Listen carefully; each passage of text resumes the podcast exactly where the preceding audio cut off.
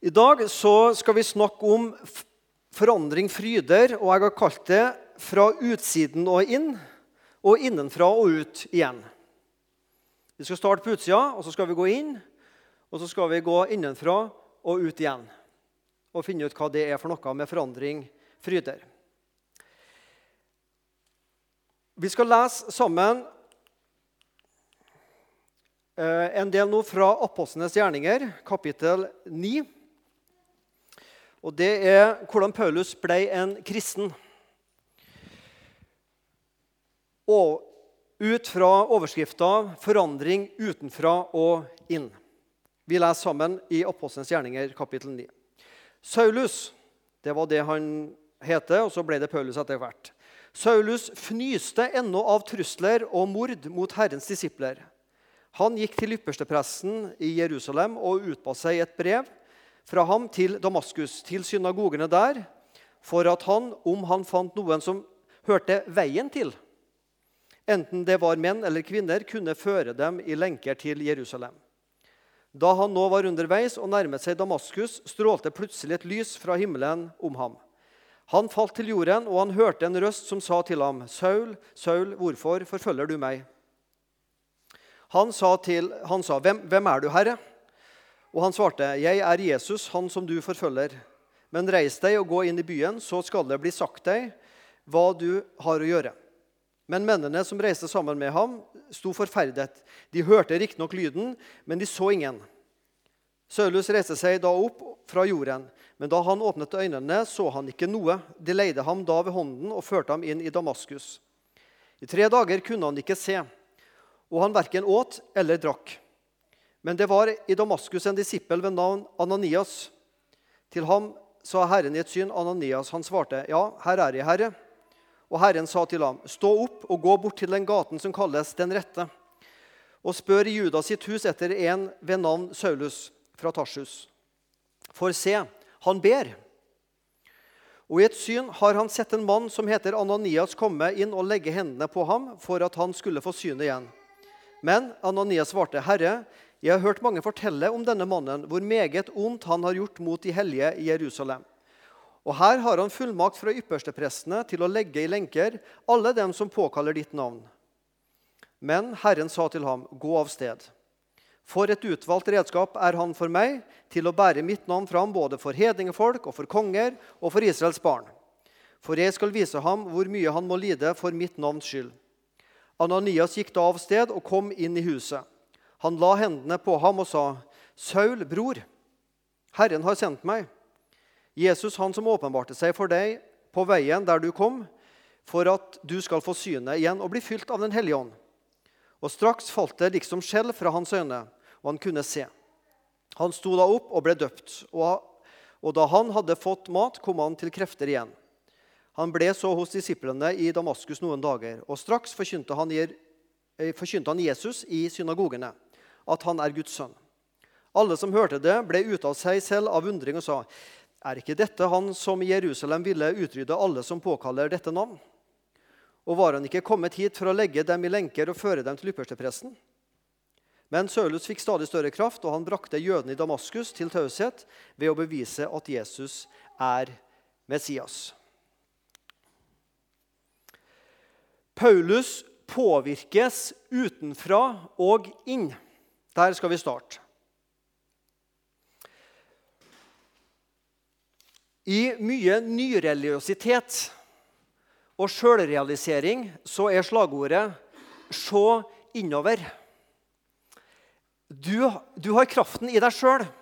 Stol på deg sjøl. Trust the power in yourself. Du har det i deg sjøl. Se innover. Har du prøvd det? Jeg har også prøvd å se innover. Og jeg må bare si jeg likte ikke det jeg fant da jeg kikka innover.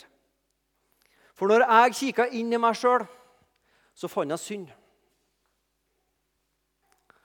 Nyreligiøsitet handler om å prøve å finne et eller annet guddommelig eller noe kraftfullt inni deg sjøl. Altså Skal forandringen skje i livet mitt, så, så er det jeg sjøl som har det. Kristendom, I kristentro så er det stikk motsatt. Kristendom det er en åpenbaringsreligion.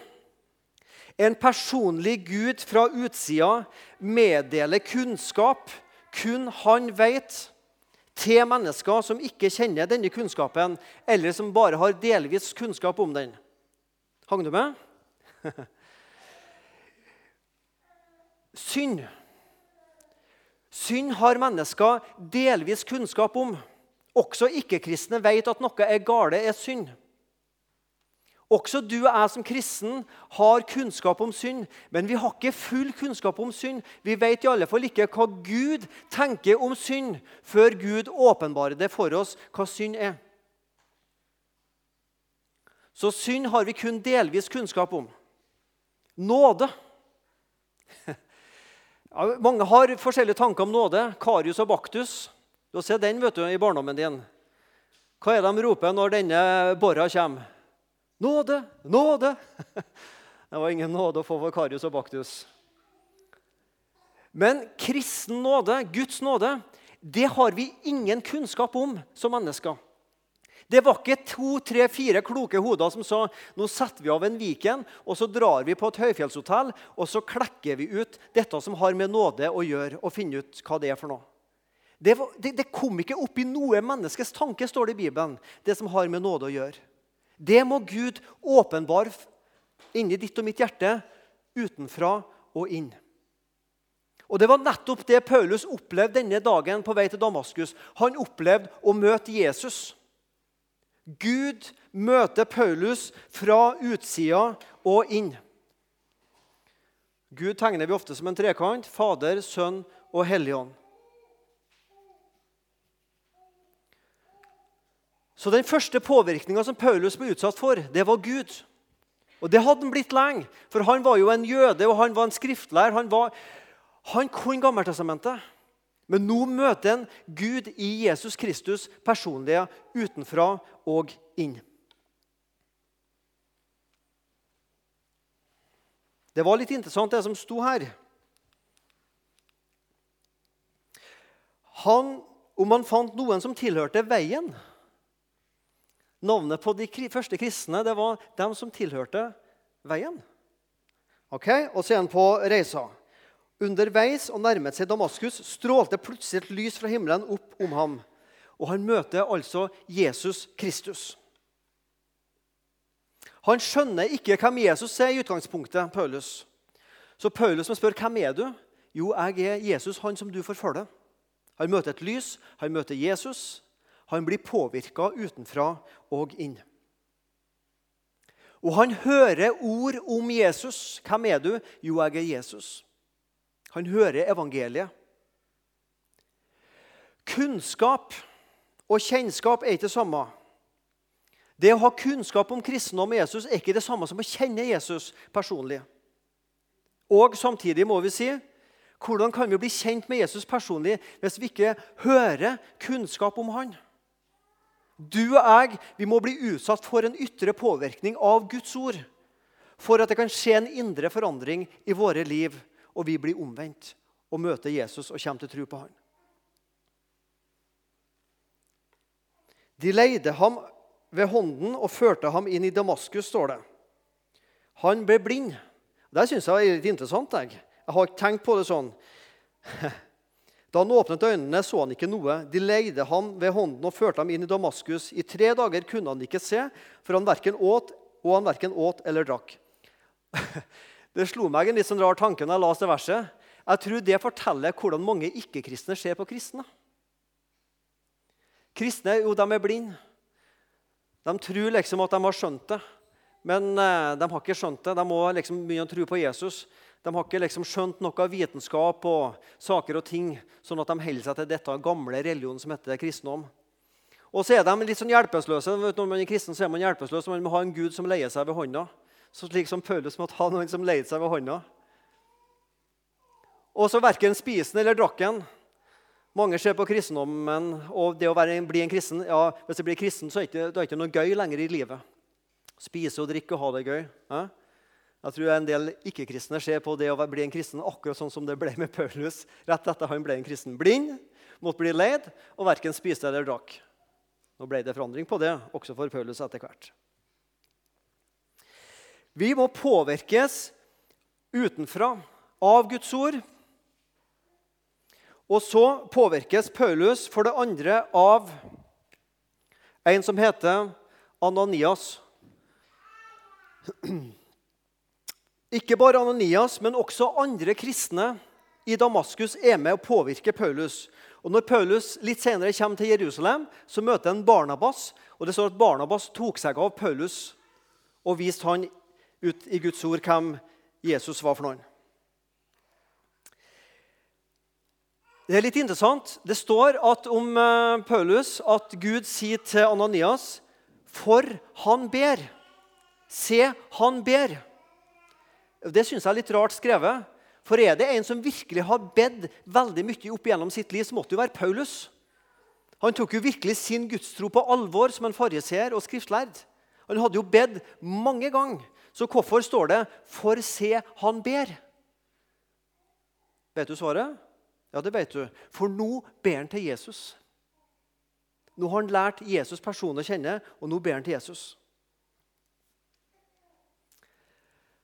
Bønnens retning har mye å si.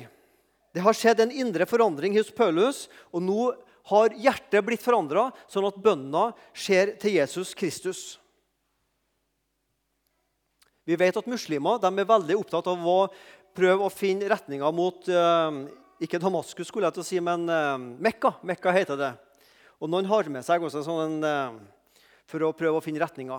Fins faktisk sånn apper på moderne mobiltelefoner sånn at du kan finne retningen til Mekka. Og så bøyer man seg for å finne retningen. Kristne er ikke opptatt av hvor Jerusalem er, eller hvor den eller den domkirka måtte være. Nei, For oss så handler det om at hjertet må finne en ny retning i bønna. Og det hadde hos Paulus. Han har blitt påvirka av Jesus, og nå var hjertet blitt innretta mot bønn til Jesus Kristus. Og Så kommer denne Ananias, og han er jo veldig tvilende til Paulus. For han hadde jo hørt mye om alt det gale Paulus hadde gjort. Og Hva er det det første Ananias sier til Paulus når han kommer og treffer ham? Han sier, 'Saul, bror'. Saul, bror. Jeg tror det handler litt om eh, at det har skjedd en forandring også i Ananias sitt hjerte. Han er i sitt hus, får beskjed om at han skal gå og treffe Paulus. Og han er veldig skeptisk. Skikkelig skeptisk. Men når han er kommet fram til huset der Paulus er, så er det første han gjør, det å slå handa om Paulus og si 'Paulus' bror'. Og jeg tror at Ananias mente det. Det vil si, fra Ananias gikk ut i sitt hus, og til han kom til det huset der Paulus var, så hadde det skjedd en forandring i Ananias sitt hjerte. Gud har forandra Ananias sitt hjerte, så fra å være skeptisk så tar han rundt Paulus og sier 'Paulus, bror sin'. Jeg tror det handler om hvordan du og jeg ser på og snakker om andre kristne. Sier du bror, sier du søster? Kanskje noen syns det virker litt sånn rare begrep. Vi bruker ikke det kanskje i dag på samme måte. Men det å ta imot andre kristne. Bruker du ofte å få klem av andre enn ektefellen din? Har du vært ute og reist fly? Når du kommer til Sola på flyplassen, hva må du da? Da må du gjennom en sikkerhetssjekk. Og hva er det som står innenfor sikkerhetssjekken og passer på deg? Det er Securitas. Bruker du å få mange klemmer fra Securitas når du skal ta flyet fra Sola? Nei? Jeg har fått klem fra Securitas. Sist jeg var ute og reiste på Sola med fly, så fikk jeg klem av Securitas-vakten. Og Han tok rundt meg og så sa han, 'Godt å se deg.' Og Det var rett før han sa 'bror' også. og Det hadde han lyst til å si. Nå var ikke den hvilken som helst tilfeldigvis Securitas-vakt jeg traff. da. Det er en som har vært predikant i Sambandet. da. så det var, det var, ikke en tilfeldig Securitas-vakt. Altså. Men det, det, det, var en sånn rar opplevelse. Du står der på sola, kommer gjennom sikkerhetssjekken. Så kommer det en og slår handa rundt deg og sier 'Godt å se deg. Takk for sist.' Og jeg tror han hadde lyst til å si 'bror'. Nå lurer jeg på hvem var det for noen. Han heter Jon Arvid Bøckmann og bor på Vigrestad. Han er Securitas-vakt der nå. Og Sånn var det også med Paulus og med Ananias. Det har skjedd en indre forandring hos Ananias, og han tar rundt Paulus og sier, 'Paulus, du er min bror nå.' Hvordan er det med oss? Hvordan snakker vi om hverandre? Hvordan snakker vi om de andre kristne? Bror, søster. Ja, Det skjedde en påvirkning hos Paulus av Gud, Guds ord, Jesus, av Ananias. Og det står også at Den hellige ånd kommer inn i hjertet hans. du vet, Å tegne Den hellige ånd er ikke så lett, men det skal være ei due. Nå fly den retninga der. og så, og så Nei, hun skal jo inn i Paulus. Sånn skal hun. Der skal hun. Sånn. Og så står det om de andre kristne i Damaskus. Ja, det var mye som var med og påvirka Paulus til å bli et nytt menneske. En ytre påvirkning som skaper en indre forandring i Paulus sitt liv. Og En del av forandringa skjer gradvis. Det kan være påvirkning over lang tid. Det kan være noen du kjenner, som eh, du har bedt for, og som du ønsker å dele Guds ord med. Og så skjer det ikke bønnesvaret med en gang, men over tid så kan det skje noe med det mennesket. Jeg skal fortelle dere om noe som skjedde for akkurat en måned siden. Mor mi ble 75 eh, år, så jeg reiste opp til Tromsø, der foreldrene mine bor, og besøkte dem. Og eh, det var selskap. I det selskapet så møter jeg en mann som jeg kommer i snakk med. Og når selskapet er ferdig, så blir jeg sittende en time og snakke med denne mannen. En eh, eldre mann på midten av 70-åra, han også. Eh, og Denne eldre mannen har ei kristen kone, men var sjøl ingen bekjennende kristen. Nå skal jeg gjengi litt av det vi snakka om. Jeg gjengir ikke alt, det, for det skal man ikke gjøre. Men jeg gjengir litt, og jeg tror etter hvert skjønner dere hvorfor jeg gjengir som jeg gjør. Han sier til meg du, Sven Anton, jeg lurer på en ting. Jeg lurer på om du kan hjelpe meg med noe. Jeg har eh, litt angst. Jeg har angst for døden. Ikke for det å dø, men eh, hva som skjer etter døden. Kan du hjelpe meg med, med de tinga der? Og jeg sier ja, det er klart jeg kan det. Jeg vil jo veldig gjerne snakke om kristen tro og det som har med Jesus å gjøre, så det, det kan vi godt gjøre. Så vi tok en prat på kvelden for ca. en måneds tid siden. Og Han begynte å fortelle litt om eh, ting i livet som han kjente på. Som han kjente på var synd. Og lurte på det her nå, hadde lyst til å bli en kristen. Og Jeg forklarte hva det vil si å bli en kristen, og hvordan vi blir en kristen. Jo, jeg, Det handler om at det er to ting. For det første så må vi bekjenne synd for Gud. Og for det andre så må vi ta imot tilgivelser, forsoninger, i Jesus Kristus. Det er det det handler om. Og Han kjente veldig på det her med synd, og det var konkrete ting i hans liv. Så tenkte jeg wow, wow, hva sier jeg nå?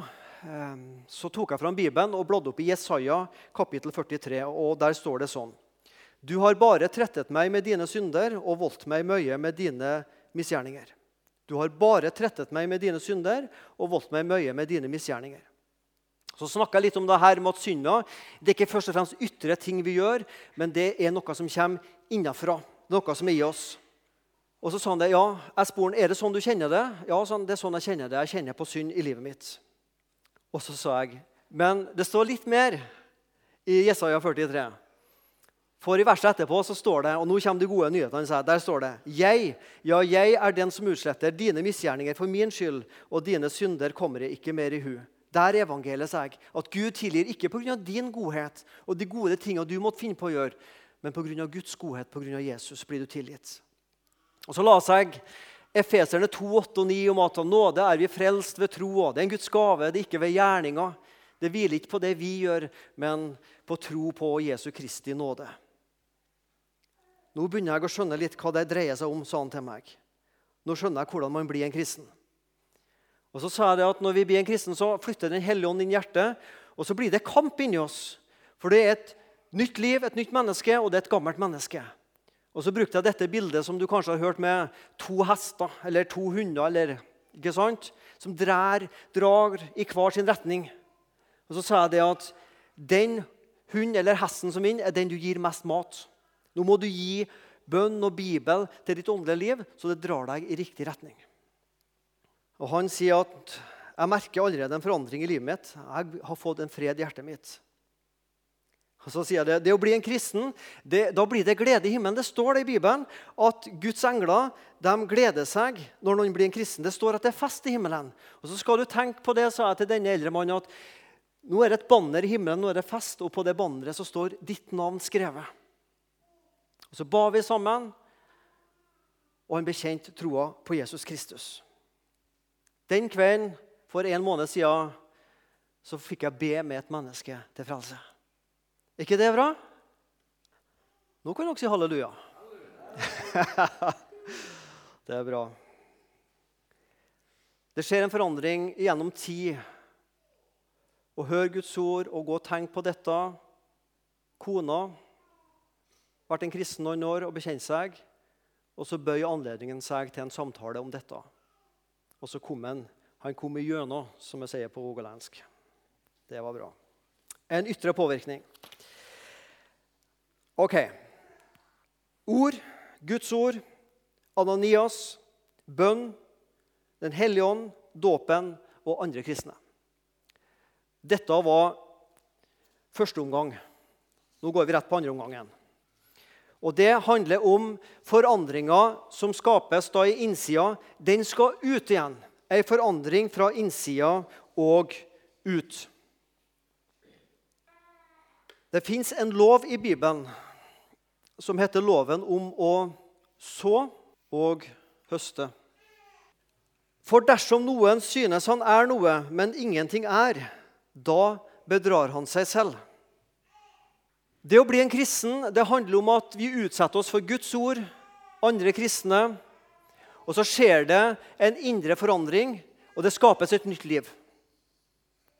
Og så skal det livet begynne å leves. Det at det skjer en indre forandring, kaller vi å bli rettferdig. Rettferdiggjørelse. Og så skal denne forandringen leves ut i hverdagen. Det kaller vi helliggjørelse. Det å vokse i samlivet med Jesus Kristus. Og Det skal jeg bruke resten av tida på å snakke om. Og Da syns du kanskje det var et veldig rart bibelord. Dersom noen synes han er noe, men ingenting er, da bedrar han seg selv. Hva mener jeg med det? Vi kan bedra oss sjøl som kristne. Og det er når det er, ikke er samsvar mellom det som er på innsida, og det som er på utsida. Dagens tekst, Søndagens tekst er om fariseeren og tolleren i tempelet. Og Den preka jeg om på formaksmøtet. og Det er ingen av oss mennesker som er sånn at vi enten 100% er som fariseeren eller 100% er som tolleren.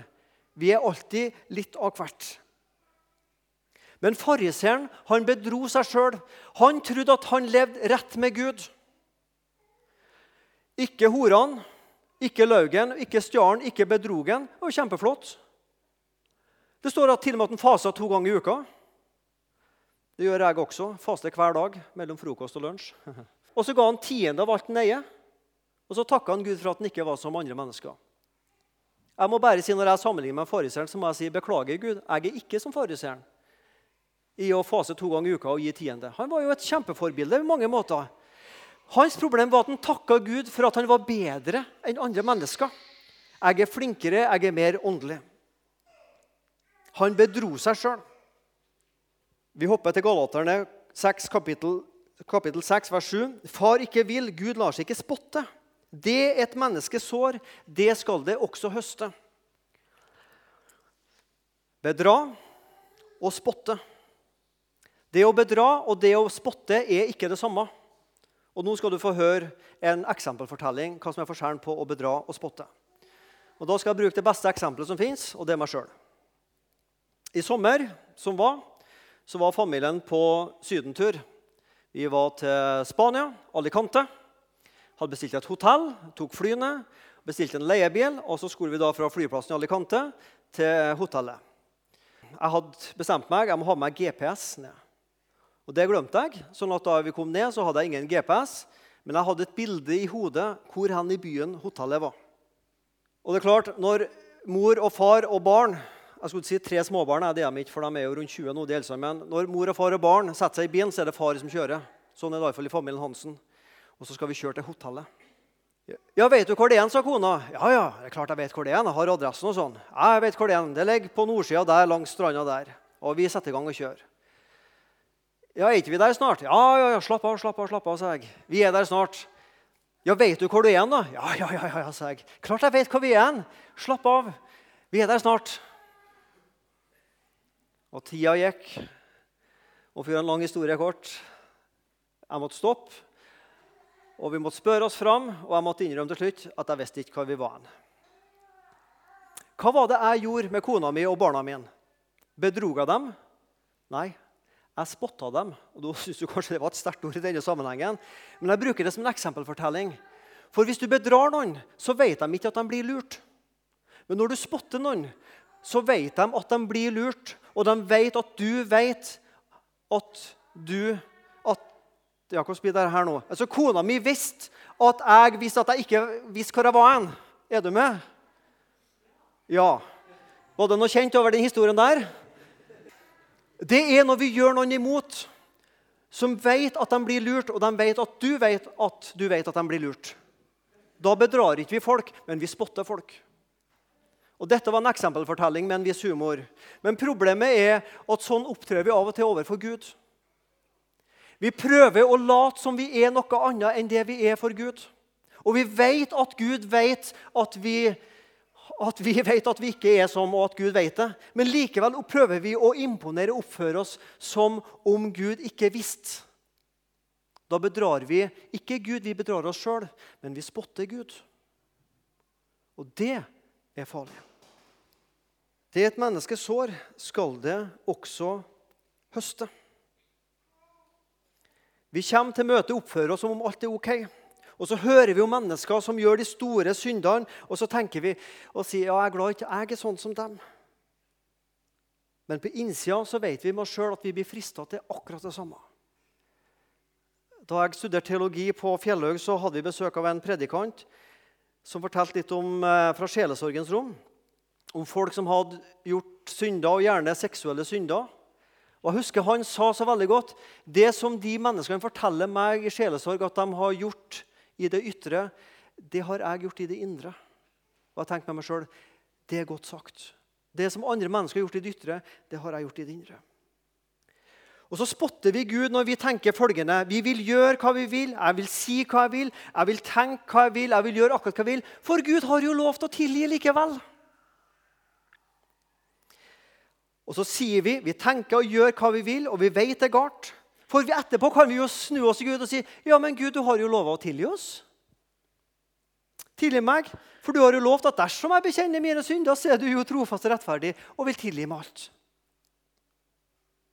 Men det er ingen ønske om forandring i livet mitt. Det er ingen ønske om å snu på ting.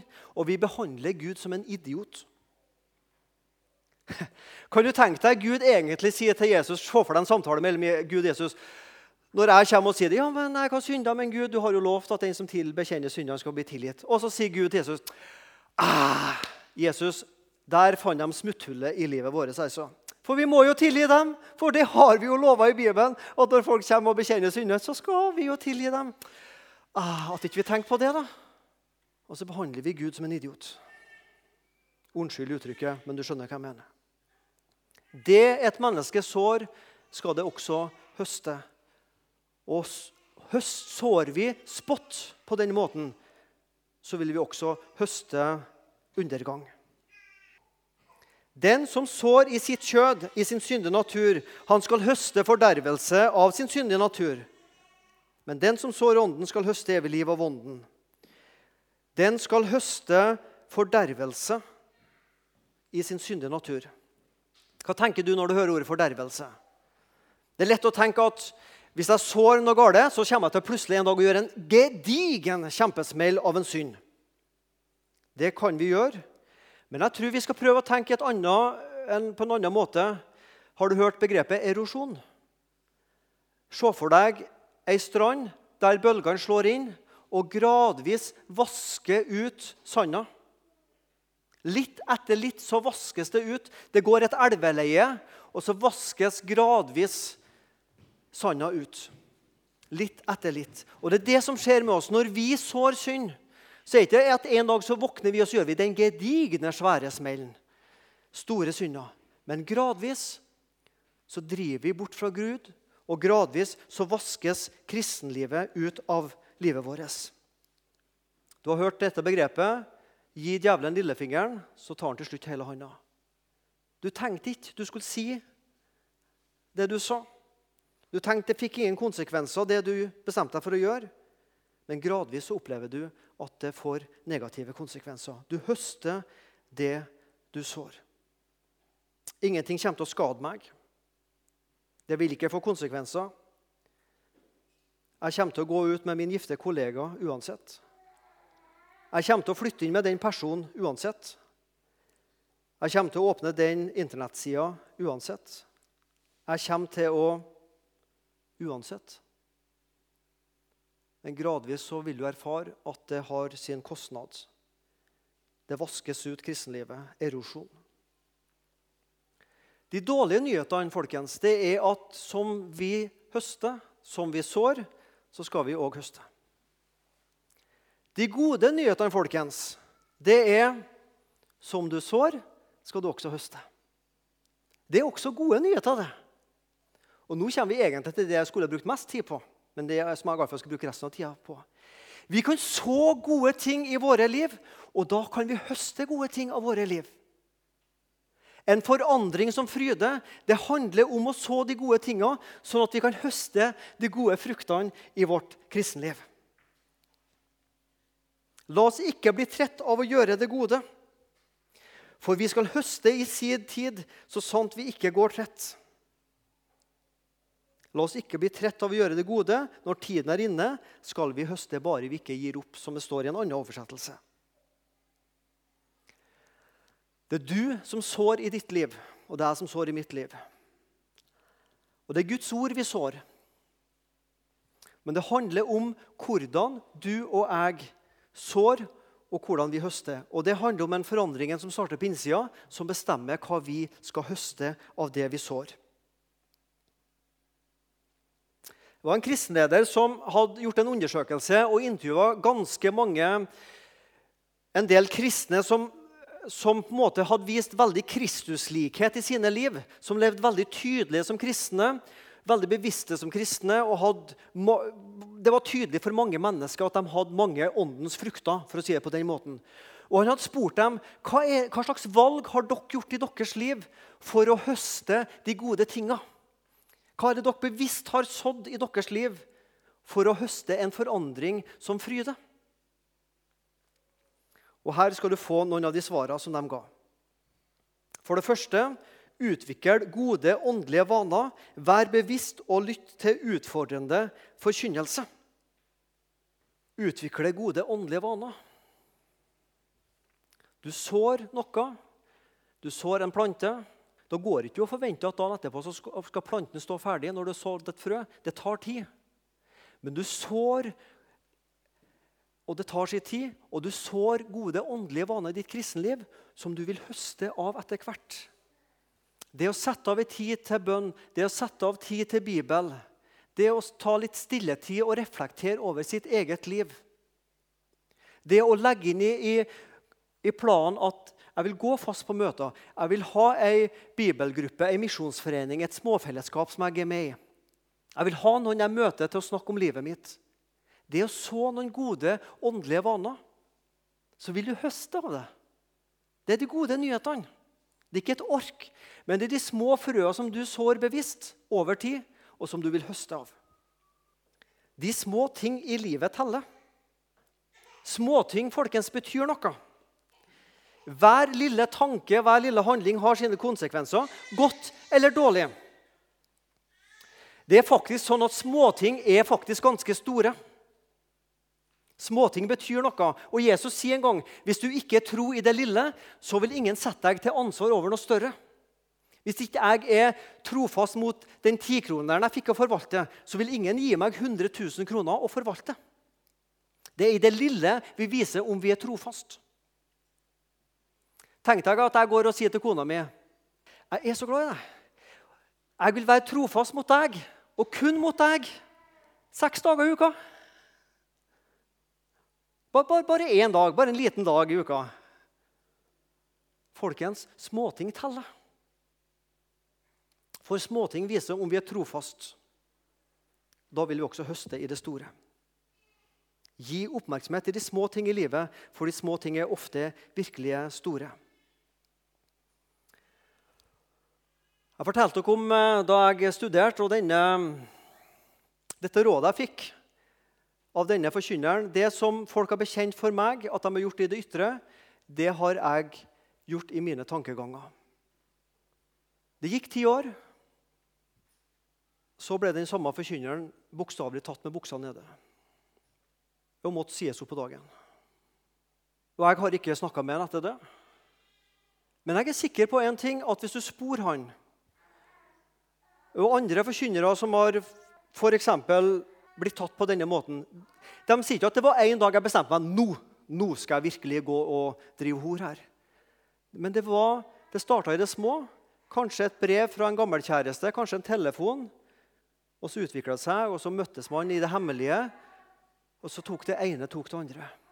Små ting som utvikler seg over tid, og som tar oss. Negativt, men også positivt. Når du sår de gode tinga, når du tenker det er så kjedelig å lese i Bibelen disse fem minutter for dagen Ja, men du sår noe, og så gjør du det trofast over tid. Og da har Bibelen sagt du vil høste en forandring som fryder. Bare vi ikke blir trett, men holder ut, sånn som det står i Galaterne 6. Småting betyr noe. Skaff deg en åndelig medvandrer, sa disse som eh, hadde utvikla en god Kristus-karakter.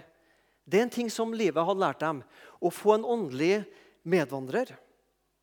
Et smågruppe, Ei smågruppe, lite fellesskap, ei forening, ei cellegruppe. En åndelig samtalepartner som du snakker med om livet. En flott ting. Vi hadde medarbeid, nei, medarbeider, medvandringssamling her på onsdagen. Jeg var veldig glad for alle som kom. Og Mange har lyst det å forplikte seg og møtes og treffes med et annet menneske, kanskje en gang i måneden. Over en kopp kaffe en times tid eller to timers tid. Snakke litt om livet og del Guds ord. Og be for arbeid i misjonssalen. Det er medvandring. Prøv det, og du sår gode ting i livet ditt som vil vokse til det flotte. Skaff deg en åndelig medvandrer. Og det fjerde hold fokus mer på Jesus enn på deg sjøl. For vi kan bli veldig navlebeskuende folkens, i kristenlivet. Vi ønsker en forandring, og vi ønsker en forandring som fryder. Og så tenker vi, Hva må jeg starte med veldig mange ting nå for at forandringen skal skje? Hva er det jeg må gjøre? Og så blir vi navlebeskuende, og så blir vi sjølsentrerte. Men jeg tror først og fremst så handler det om hvor har vi blikket hen, og ha det mer på Jesus enn på oss sjøl. Hold fokus på Jesus Kristus, troens opphavsmann og fullender. Mye mer enn du holder fokus på din egen åndelige utvikling. Galaterne 6, 14-15.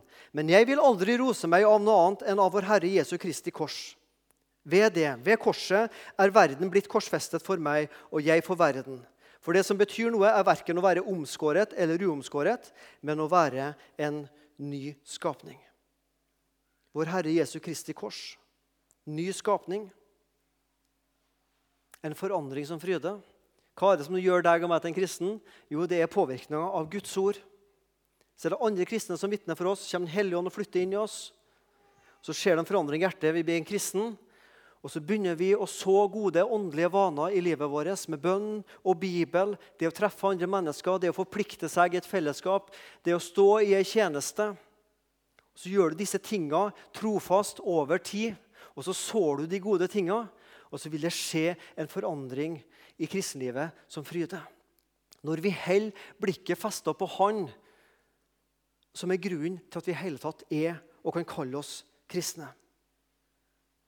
Det er ikke alltid det er samsvar mellom mitt indre liv og mitt ytre liv.